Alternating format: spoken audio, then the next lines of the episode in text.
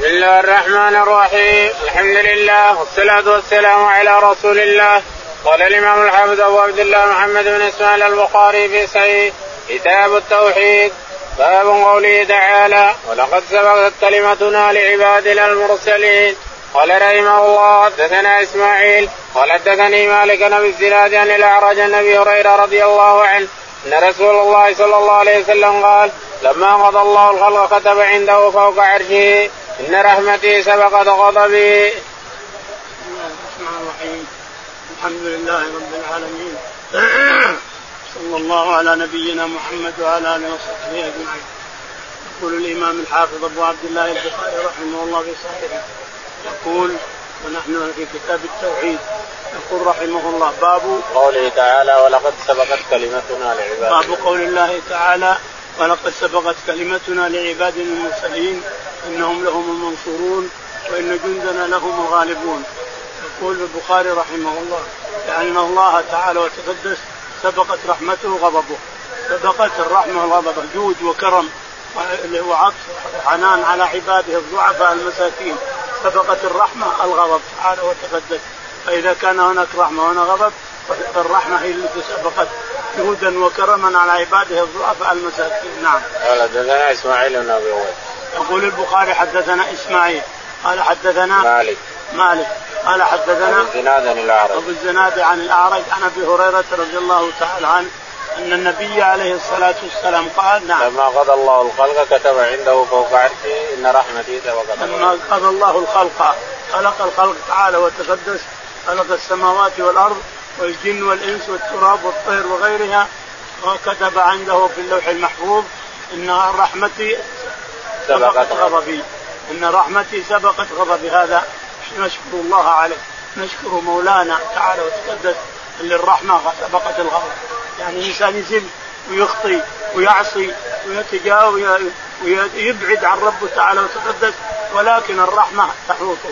رحمة الله وعفوه وتجاوزه تحيط هذا العبد المسلم الذي قد يقع يغلبه الشيطان ويقع في معاصي ويقع في خطيئات. لكن رحمته تعالى وتقدس غلبت الغضب. قال رحمه الله حدثنا آدم قال حدثنا شعبة قال حدثنا الأعمش قال سمعت زيد بن وهب قال سمعت عبد الله بن مسعود رضي الله عنه قال حدثنا رسول الله صلى الله عليه وسلم وهو الصادق المصدوق. إن خلق أحدكم يجمع في بطن أمه أربعين يوما وهو أربعين ليلة ثم يكون علقة مثله ثم يكون مضغة مثله ثم يبعث ثم يبعث الله إليه الملك فيؤذن بأربع كلمات فيكتب رزقه وأجله وعمله وشقي أم سعيد ثم ينفخ فيه الروح. فإن أحدكم لا يعمل بعمل أهل الجنة حتى لا يكون بينه حتى لا يكون بينها وبينه إلا ذراع.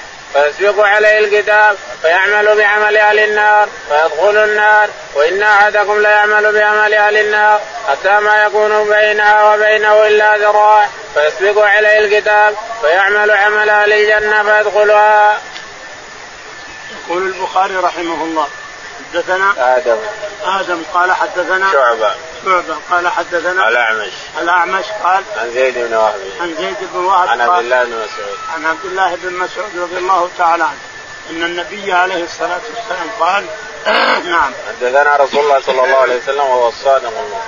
يقول ابن مسعود حدثنا الرسول عليه الصلاة والسلام وهو الصادق المصدوق. إن أحدكم يجمع خلقه في بطن أمه 30 ليلة. قال 30 يوم. و40 ليلة. يعني طول يعني أربعة اطوار أو ثلاثة اطوار يعني طور 30 وطور 40 طور 30 يوما. وطور 40 ليلة إلى آخره.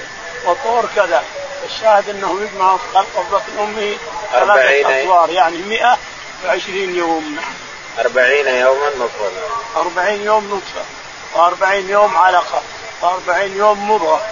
أربعين اليوم التالية هي اللي يخلق فيها. إذا صار مضغة لحمة هو الذي يخلق فيها. فإذا تم 121 يوم يعني دخل الخامس في واحد واحد يوم. دخل الشهر الخامس في واحد يوم جاء ملك الأرحام فقيل له فيسأل ربه عن هذا الولد ما الذي يتعلق به؟ يقال له ارجع إلى اللوح المحفوظ فاكتب فسترى جميع ما يتعلق بهذا الطفل جميع في اللوح المحفوظ. فيذهب ملك الأرحام فيكتب جميع ما يلقاه في اللوح المحفوظ يتعلق بهذا الطفل فجعله في ورقة في عنقه يعلقه في عنقه ويمشي على منوال هذه الورقة على طوره في حياته كلها. ثم إذا مات سقط إذا مات سقطت فيكتب رزقه وأجله وعمله وشقي أو سعيد. ثم يكتب رزقه وأجله وعمله. وشقي أو سعيد. يسأل ملك الأرحام يا ربي هل شقي أو سعيد؟ ما الرزق؟ وما الأجل؟ وما الاسم؟ وبأي أرض يموت؟ يقول الله له ارجع إلى اللوح المحفوظ.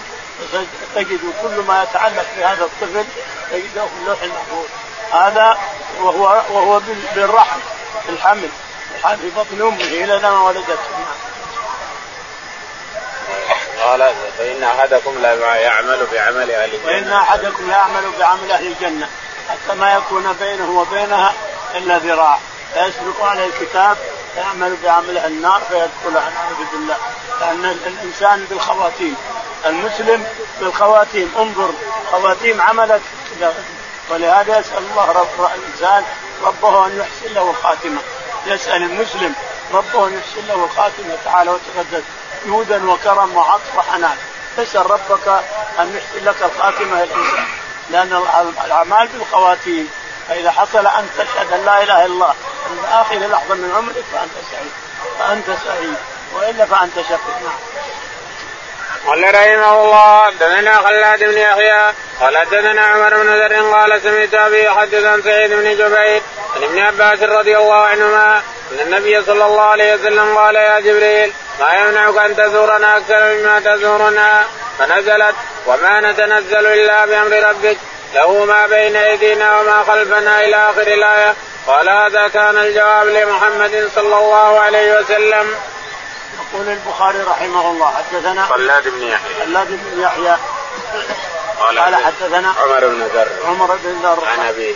عن أبيه قال عن سعيد بن جبير عن سعيد بن جبير عن ابن عباس. عن ابن عباس رضي الله عنهما أن النبي عليه الصلاة والسلام قال آه قال يا جبريل ما يمنعك أن تزورنا؟ قال يا جبريل الرسول عليه الصلاة والسلام تأخر عليه جبريل يوما وقال ما يمنعك من زيارتنا كل يوم؟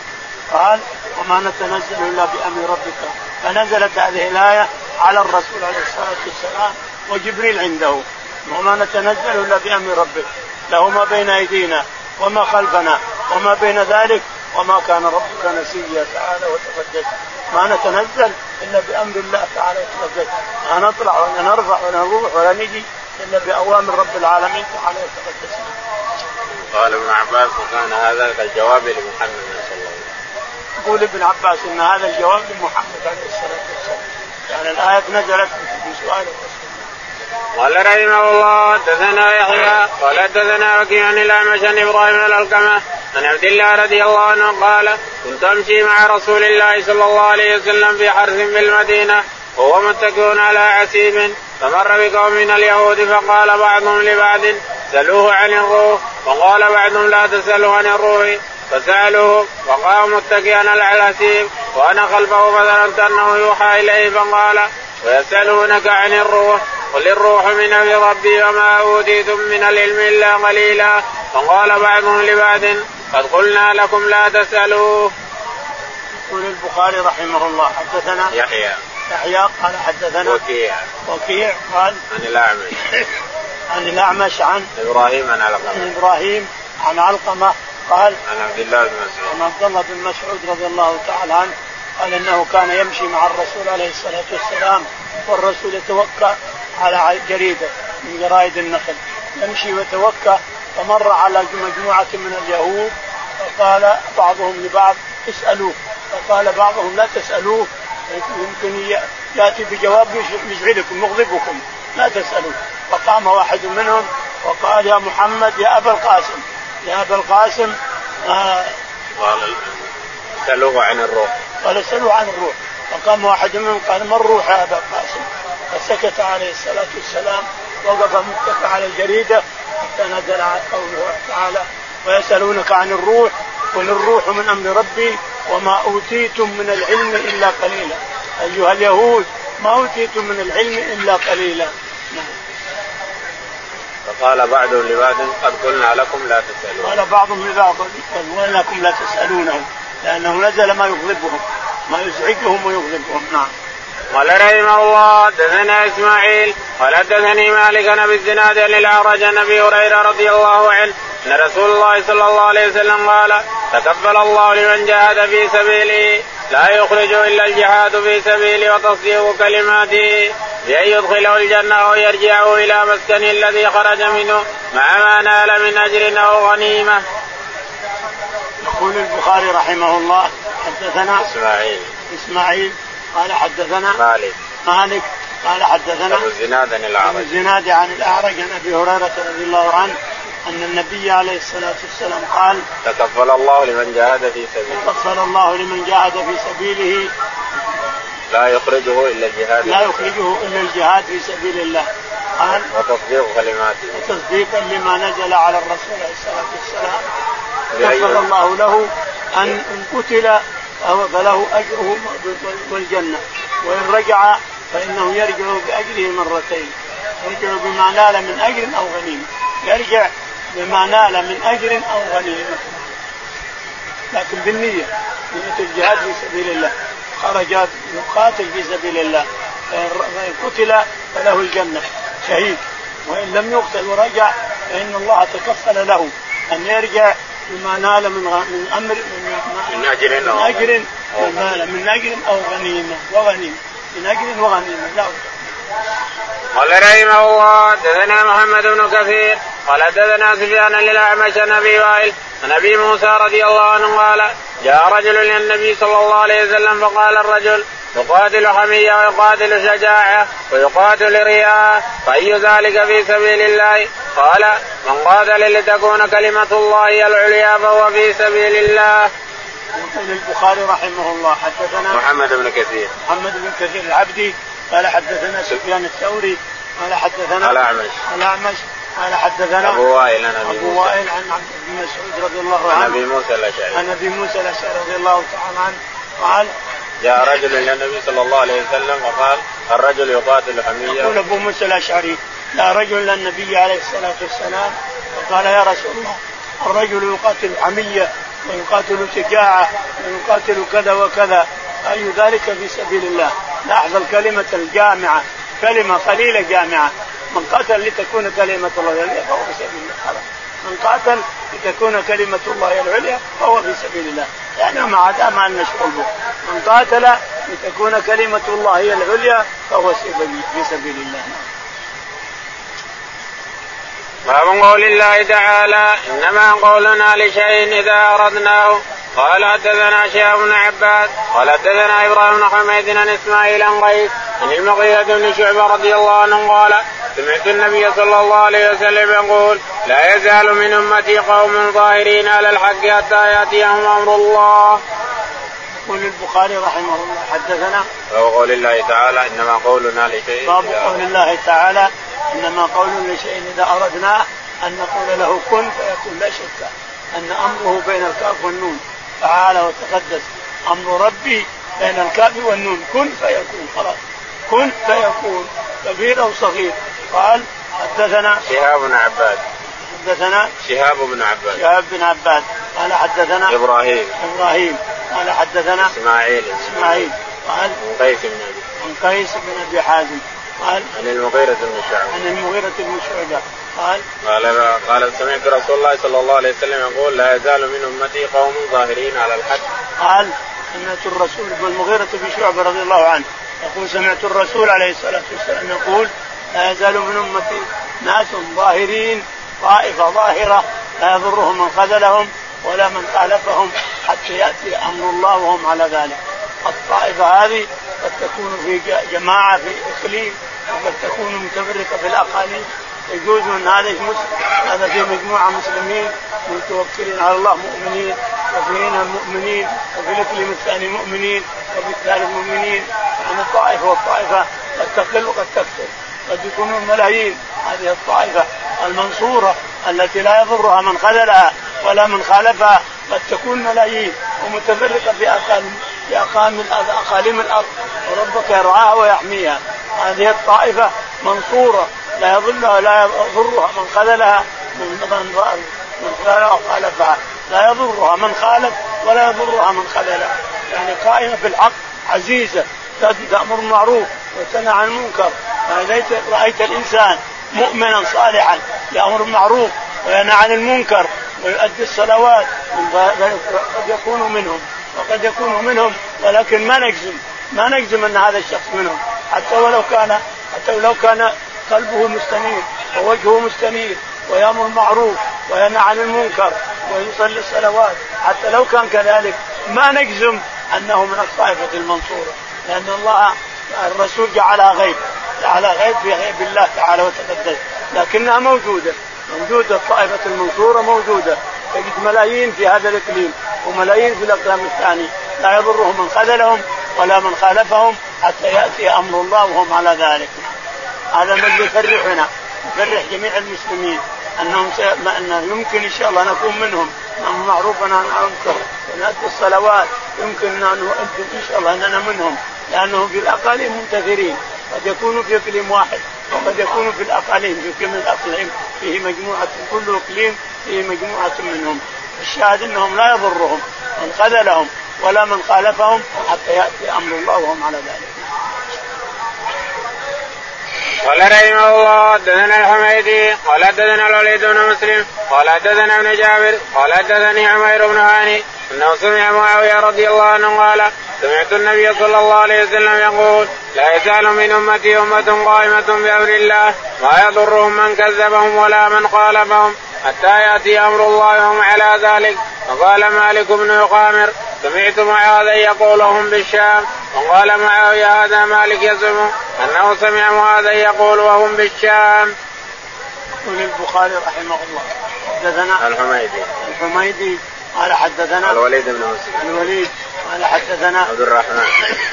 عبد الرحمن قال حدثنا عمير بن هاني عمير بن هاني قال عن معاوية. عن معاوية بن أبي سفيان أنه خطب فقال سمعت النبي صلى الله عليه وسلم يقول لا يزال من أمتي أمة قائمة. يقول معاوية سمعت النبي عليه الصلاة والسلام يقول لا يزال طائفة من أمتي على الحق لا يضرهم من خذلهم ولا من خالفهم حتى يأتي أمر الله وهم على ذلك. فقال وقال مالك بن مقامر سمعت معاذا قال مالك بن مقامر يقول سمعت معاذا يقول وهم بالشام. سمعت معاذا يقول وهم بالشام. معاذ هذا تخرص من نفوس تخرص لأن الشام محشر محشر الناس. الله تعالى وتقدس آخر الزمان يحشر الناس في الشام. تأتي من اليمن نار وتسوق الناس تسوقهم حتى يصلون إلى الشام. المحشر في الشام لا شك في هذا. قال الطائفة اليوم هذا في الشام لا أعتقد أنهم محشورين في الشام. اليوم هذا الحياة لا أعتقد أنهم محصورين في الشام. وإنما في كل إقليم تجد طائفة يقومون الصلاة ويؤتون الزكاة ويأمرون بالمعروف وينهون عن المنكر. يجد الإنسان إذا قابلته الإنسان وأنت ما تعرفه ولا وجهه مستنير. مضيء مضيء وجهه نور وجهه وأنت ما تعرفه الإنسان هذا منهم. هذا من الطائفة. أما كنا نحصرهم الآن في الحياة في الشام فهذا لم يرد عن النبي عليه الصلاة والسلام إنما ابن مسعود كلام منه. كلام من ابن مسعود. معاذ. معاذ. كلام من معاذ بن جبل. لم يرفعه إلى النبي عليه الصلاة والسلام. كلام من معاذ أنهم من أهل الشام لأن الشام هم أحسن الناس هو اللي يحاسبون الناس فيه ويحفرون فيه. لكن اليوم هذا نحشرهم في الشام هذا اجتهاد والله أعلم بالاجتهاد. قال رحمه الله حدثنا أبو اليمان قال أخبرنا شعيب عن عبد الله بن أبي حسين قال حدثنا نافع بن جبير عن ابن عباس رضي الله عنهما قال وقف النبي صلى الله عليه وسلم على مسيلمه وفي أصحابه فقال لو سألتني هذه القطعة ما أعطيتك ولن تعدو أمر الله فيك ولئن أدبرت ليعذرنك الله. يقول البخاري رحمه الله حدثنا أبو اليمان أبو اليمان قال حدثنا شعيب. شعيب. قال حدثنا عبد الله بن عبد الرحمن. الله عبد الله بن عبد الرحمن. بن عبد الرحمن. قال النافع بن جبير. النافع بن جبير عن ابن عباس. عن ابن عباس رضي الله عنهما. قال وقف النبي صلى الله عليه وسلم على مسيلمة. وقف النبي على مسيلمة. أهل اليمامة وفد إلى النبي عليه الصلاة والسلام وفيهم مسيلمة الكذاب وجاء وصلوا إلى المدينة. فلما وصلوا المدينة جاء أصحابه وجلسه لحاله فيما في خيامهم فخرج إليه النبي عليه الصلاة والسلام قال له مسيلمة اجعلني بعدك اصير نبي بعدك وأصدقك ولا ما أصدقك فقال الرسول عليه الصلاة والسلام لو سألتني هذه الجريدة ما أعطيتك ولن تعدو قدرك وإني أرى أنك أنت السوار الذي كذا وكذا إلى آخره. وإن أدبرت لأعكرنك وإن أدبرت لأعقرنك ربنا العالمين. عقر في اليمامة. عقره أبو السكر رحمه الله بالسيف ورماه وحشي بالنبل قال رحمه الله دثنا محمد بن إسماعيل عن عبد الواحد عن الاعمش عن إبراهيم عن القمة عن ابن مسعود رضي الله عنه قال بينما أنا امشي مع النبي صلى الله عليه وسلم في بعض ارض المدينة وهو يتوكل على اسيب معه فمررنا على نفر من اليهود فقال بعضهم لبعض اسألوا عن الروح فقال بعضهم لا تسألوا ان يجيء فيه بشيء تكرهونه. فقال بعضهم لنسألنه فقام إليه رجل منهم فقال يا أبا القاسم الروح فسكت عنه النبي صلى الله عليه وسلم فعلمت أنه يوحى إليه. فقال يسألونك عن الروح قل الروح من أمر ربي وما أوتوا من العلم إلا قليلا. قال الأعمش هكذا في قراءتنا. يقول البخاري رحمه الله حدثنا موسى بن إسماعيل. موسى بن إسماعيل قال حدثنا عبد الواحد. عبد الواسع.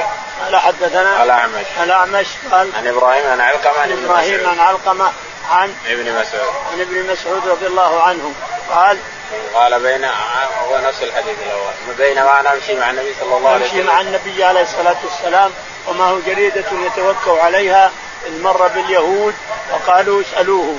قال لا تسألوه يغضبكم قد يأتي بشيء يغضبكم قال واحد منهم لا أسألنه. فقام وسأل الرسول, الرسول عن الصلاة عليه الصلاة والسلام عن الروح فسكت عليه السلام فوق الجريدة يوحى إليه. ثم لما جاء الوحي قال لهم قال فعلمت أنه عليه ويسألونك الآية قال ويسألونك عن الروح. ويسألونك عن الروح قل الروح من أمر ربي وما أوتيتم من العلم إلا قليلا. هذه قراءة الفصل وهنا قراءة أخرى. وما وما أوتوا من العلم إلا وما قليلا. أوتوا يعني اليهود. وما أوتوا من العلم إلا قليلا. وهي قراءة قراءة فصيحة. قال الأعمش هذه في قراءته يقول الأعمش هذه قراءتنا الا واحد. وما أوتوا من العلم إلا قليلا. وما أوتوا- أوتيتم من العلم إلا قليلا. نعم. باب قول الله تعالى قل لو كان البحر مدادا لكلمات ربي لنفذ البحر قبل أن تنبت كلمات ربي ولو جئنا بمثله مددا. عن قوله ولو أن ما في الأرض من شجرة أقلام والبحر يمده من بعده والبحر يمده من بعده سبعة أبحر ما نفدت كلمات الله. عن قوله إن ربكم الله الذي خلق السماوات والأرض في ستة أيام ثم استوى على العرش. يغشي الليل النهار يطلبه حثيثا والشمس والقمر والنجوم مسخرات بأمره. ألا له الخلق والأمر تبارك الله رب العالمين.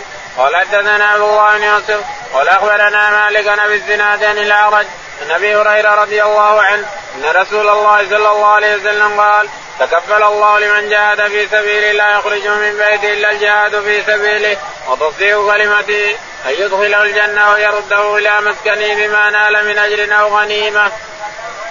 يقول البخاري رحمه الله حدثنا باب قول الله تعالى قل لو كان البحر باب قول الله تعالى قل لو كان البحر مدادا لكلمات ربي لنفد البحر قبل أن تنفد كلمات ربي ولو جئنا بمثله مددا.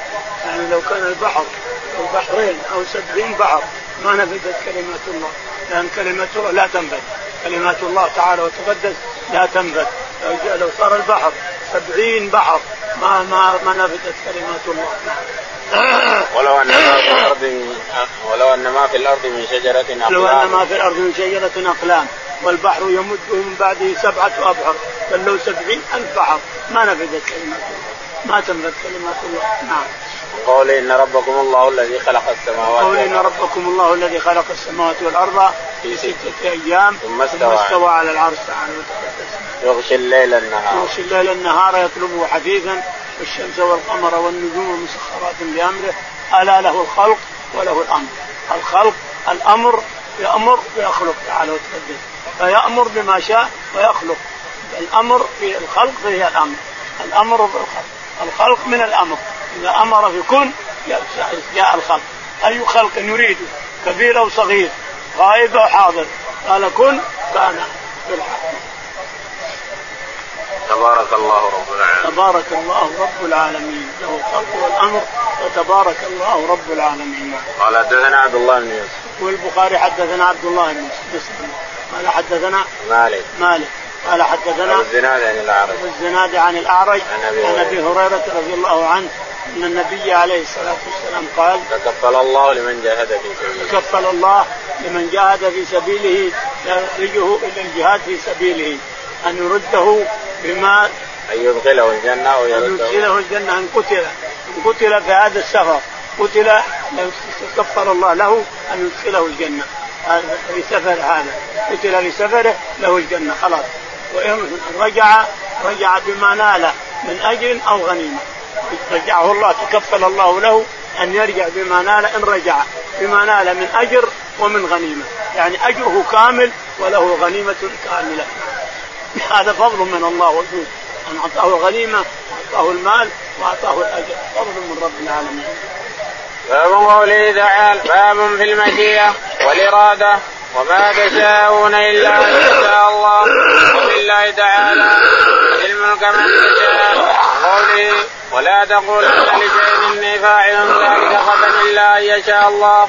وقوله إنك لا تهدي من أحببت ولكن الله يهدي من يشاء. قال سعيد بن المسيب نبي نزلت في أبي طالب يريد الله بكم اليسر ولا يريد بكم العسر. قال حدثنا مسدد قال حدثنا عبد الوارث بن عبد العزيز عن أنس رضي الله عنه قال قال رسول الله صلى الله عليه وسلم إذا دعوتم الله فاعزموا في الدعاء ولا يقولن أحدكم إن شئت فأعطني فإن الله لا مستكره له. يقول البخاري رحمه الله حدثنا باب في المشيئة والإرادة. باب في المشيئة والإرادة. باب لأن الله له مشيئة وله إرادة تعالى وتقدم يشاء ويريد. يقول الشافعي رحمه الله ما شئت كان وإن لم أشاء وما شئت إن لم تشاء لم يكن. نعم ما شئت يا ربي كان وإن لم أشاء أنا وما شئت أنا إن لم تشاء أنت لم يكن. يقول البخاري رحمه الله حدثنا قوله تعالى وما تشاءون إلا أن يشاء. قوله تعالى وما تشاءون إلا أن يشاء الله.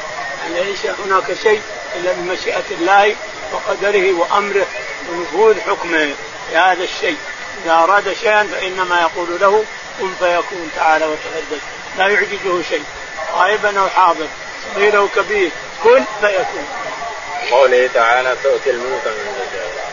قوله تعالى تؤتي الملك من يشاء. تؤتي الملك من تشاء. وتنزعه من تشاء.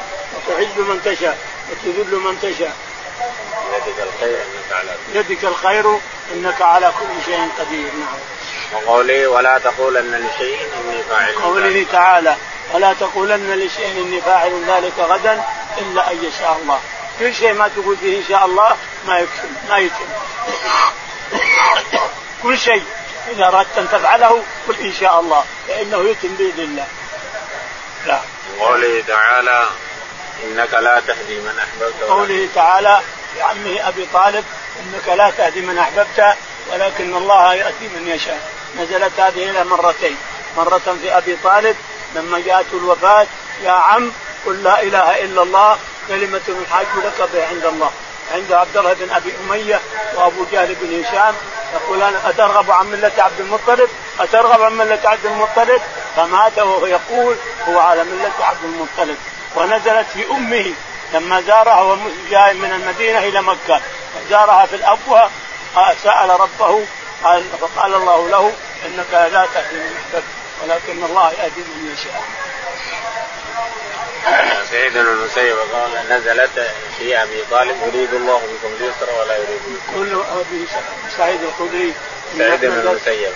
سعيد بن المسيب. عن ابيه عن ابيه يقول نزلت في أبي طالب. يريد الله بكم اليسر ولا يريد يريد الله بكم اليسر ولا يريد بكم العسر قال حدثنا مسدد. يقول البخاري حدثنا مسدد قال حدثنا عبد الوارث. عبد الوارث قال حدثنا عبد العزيز بن سهيل. عبد العزيز قال حدثنا أنس بن مالك. أنس رضي الله عنه قال النبي الله صلى الله عليه وسلم قال إذا دعوتم الله فاعزموا في الدعاء. يقول الرسول عليه الصلاة والسلام إذا دعوت ربك الإنسان فاعزم في الدعاء ولا تستغني ولا تقل إن شاء الله فإنه لا مكره له تعالى وتقدس اساله الجنة ولا تستغني اساله الجنة يا رب أسألك الجنة ولا تقل إن شئت ولا أسألك الجنة ولا تستغني فإنه لا مكره له تعالى وتقدس. لا مكره لربك. اسأله يعطيك الجنة يعطيك الجنة. اسأله ما تشاء يعطيك ما تشاء. ولا مكره له تعالى وتقدس. ولا تقول إن شاء الله. تقول في دعائك إن شاء الله.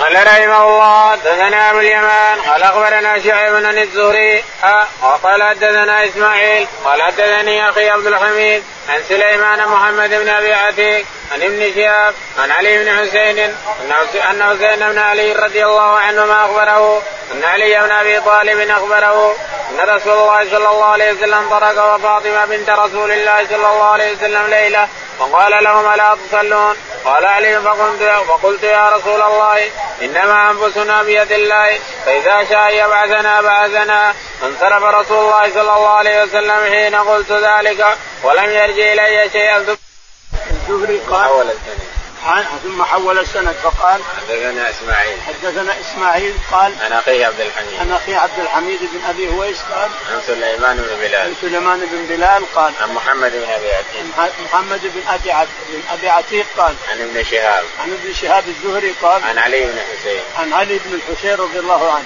عن أبيه علي رضي الله تعالى عنه أن النبي عليه الصلاة والسلام طرقهما ليلا وهم نائمين في فراشهم علي وفاطمة. فأراد أن يستيقظ فقال لا اجلسوا على ما كنت عليه. وجلس بينهما عليه الصلاة والسلام. ثم بعد ذلك قال ألا تقومان تصليان فقال علي رضي الله عنه يا رسول الله أنفسنا بيد الله. ما شاء أرسلها لنا. متى ما أراد أرسلها لنا. فانصرف ولم يقل ولا كلمة. ثم صار يضرب خذه ويقول إن الانسان وكان الانسان وكان الإنسان أكثر شيء جدلا. يعني يجادل الإنسان بالقرآن. وإذا سمع قرآن الرسول ما يرد شيء.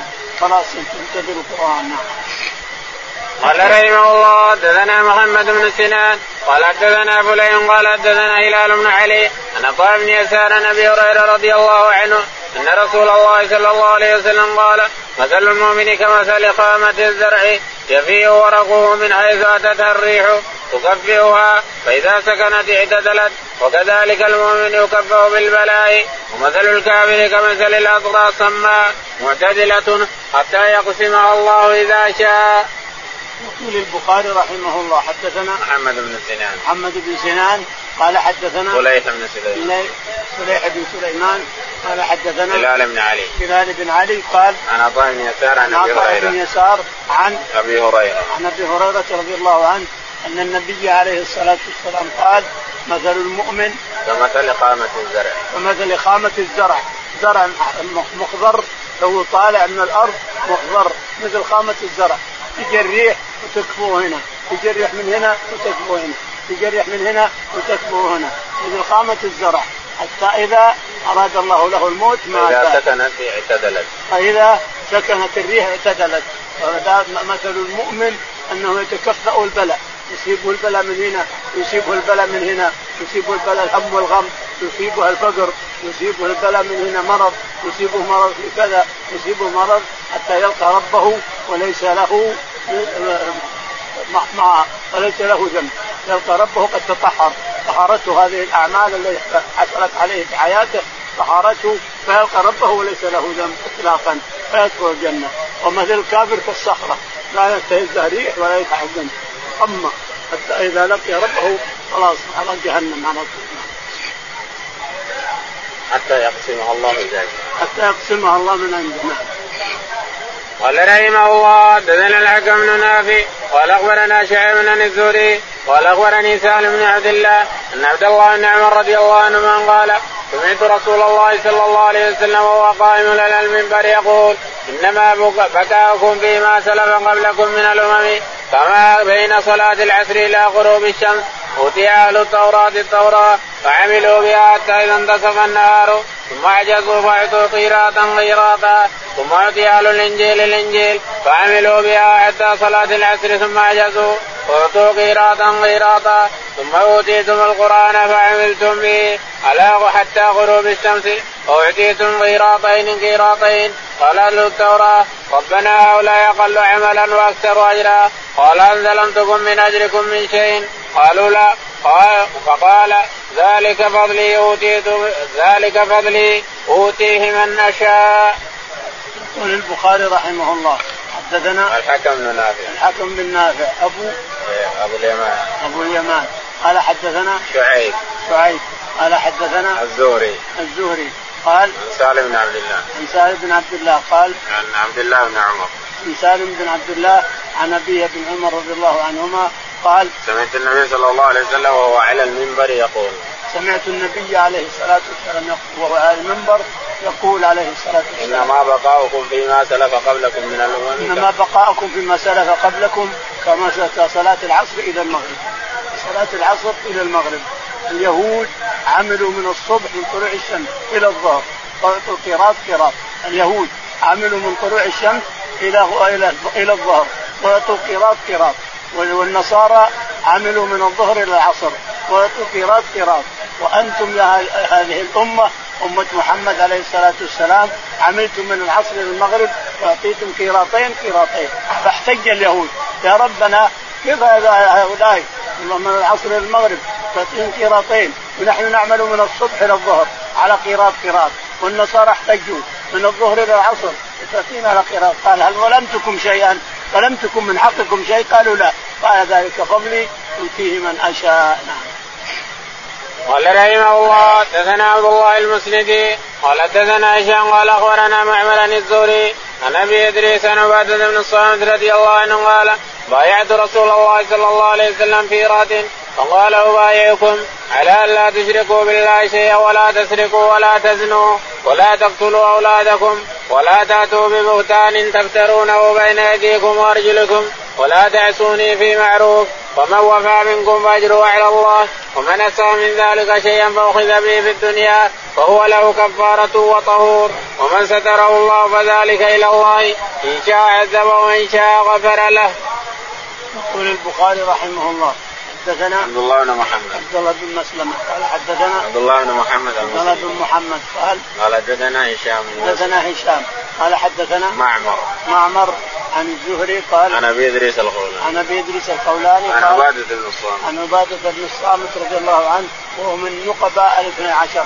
قال أن بايع الرسول في منى قال عبادة بايعنا الرسول عليه الصلاة والسلام على السمع والطاعة في المنشط والمكره وعلى ألا تشركوا بالله شيئا. على نشرك ألا نشرك بالله شيئا. ولا تسرقوا. ولا تسرقوا. ولا تزنوا. ولا تزنوا. ولا تقتلوا أولادكم. ولا تقتلوا أولادكم من إملاق من فقر يعني. ولا تأتوا ببهتان ولا تأتوا ببهتان يستترونه بين أيديكم وأرجلكم. ولا تعصوني في ولا تعصوني في معروف فمن وفى بهذه الشروط فله الجنة.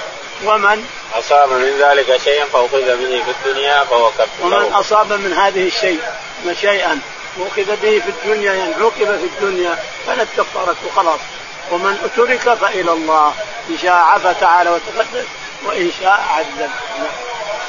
قال رحمه الله حدثنا معلم بن اسد قال حدثنا وهيب عن أيوب محمد عن أبي هريرة رضي الله عنه أن نبي الله سليمان عليه السلام كان له ستون امرأة فقال لا طوفن الليل على نسائه فليحتملن كل امرأة ولتلدن فارسا يقاتل في سبيل الله وطاف على نساء فما ولدن منهن إلا امرأة ولدت شق غلام قال نبي الله صلى الله عليه وسلم لو كان سليمان استثنى لحملت كل امرأة منهن فولدت فارسا يقاتل في سبيل الله. يقول البخاري رحمه الله. باب؟ تابع للباب. تابع للباب. حدثنا؟ معلى بن اسد معلى بن أسد. قال حدثنا؟ وهيب.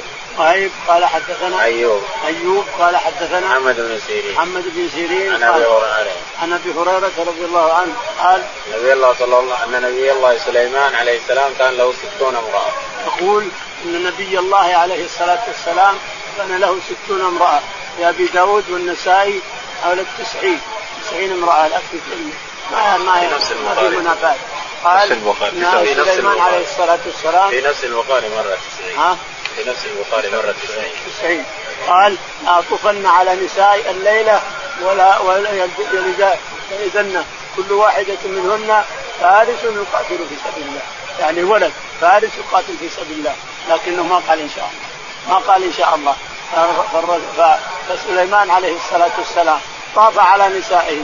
في رواية تسعين وفي رواية هنا ستين طاف عليهن كلهن فلم تلد ولا واحدة منهن إلا شق واحدة منهن جاءت بشق يقول الرسول عليه الصلاة والسلام والذي نفسي بيده.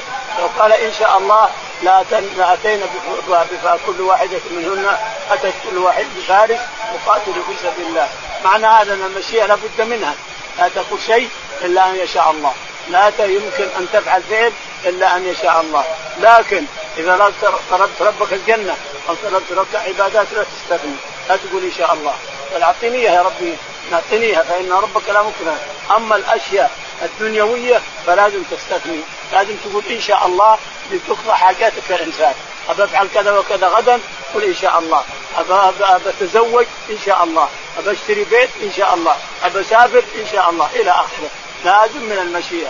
وهذا نبي من أنبياء الله مكلم سليمان عليه الصلاة والسلام.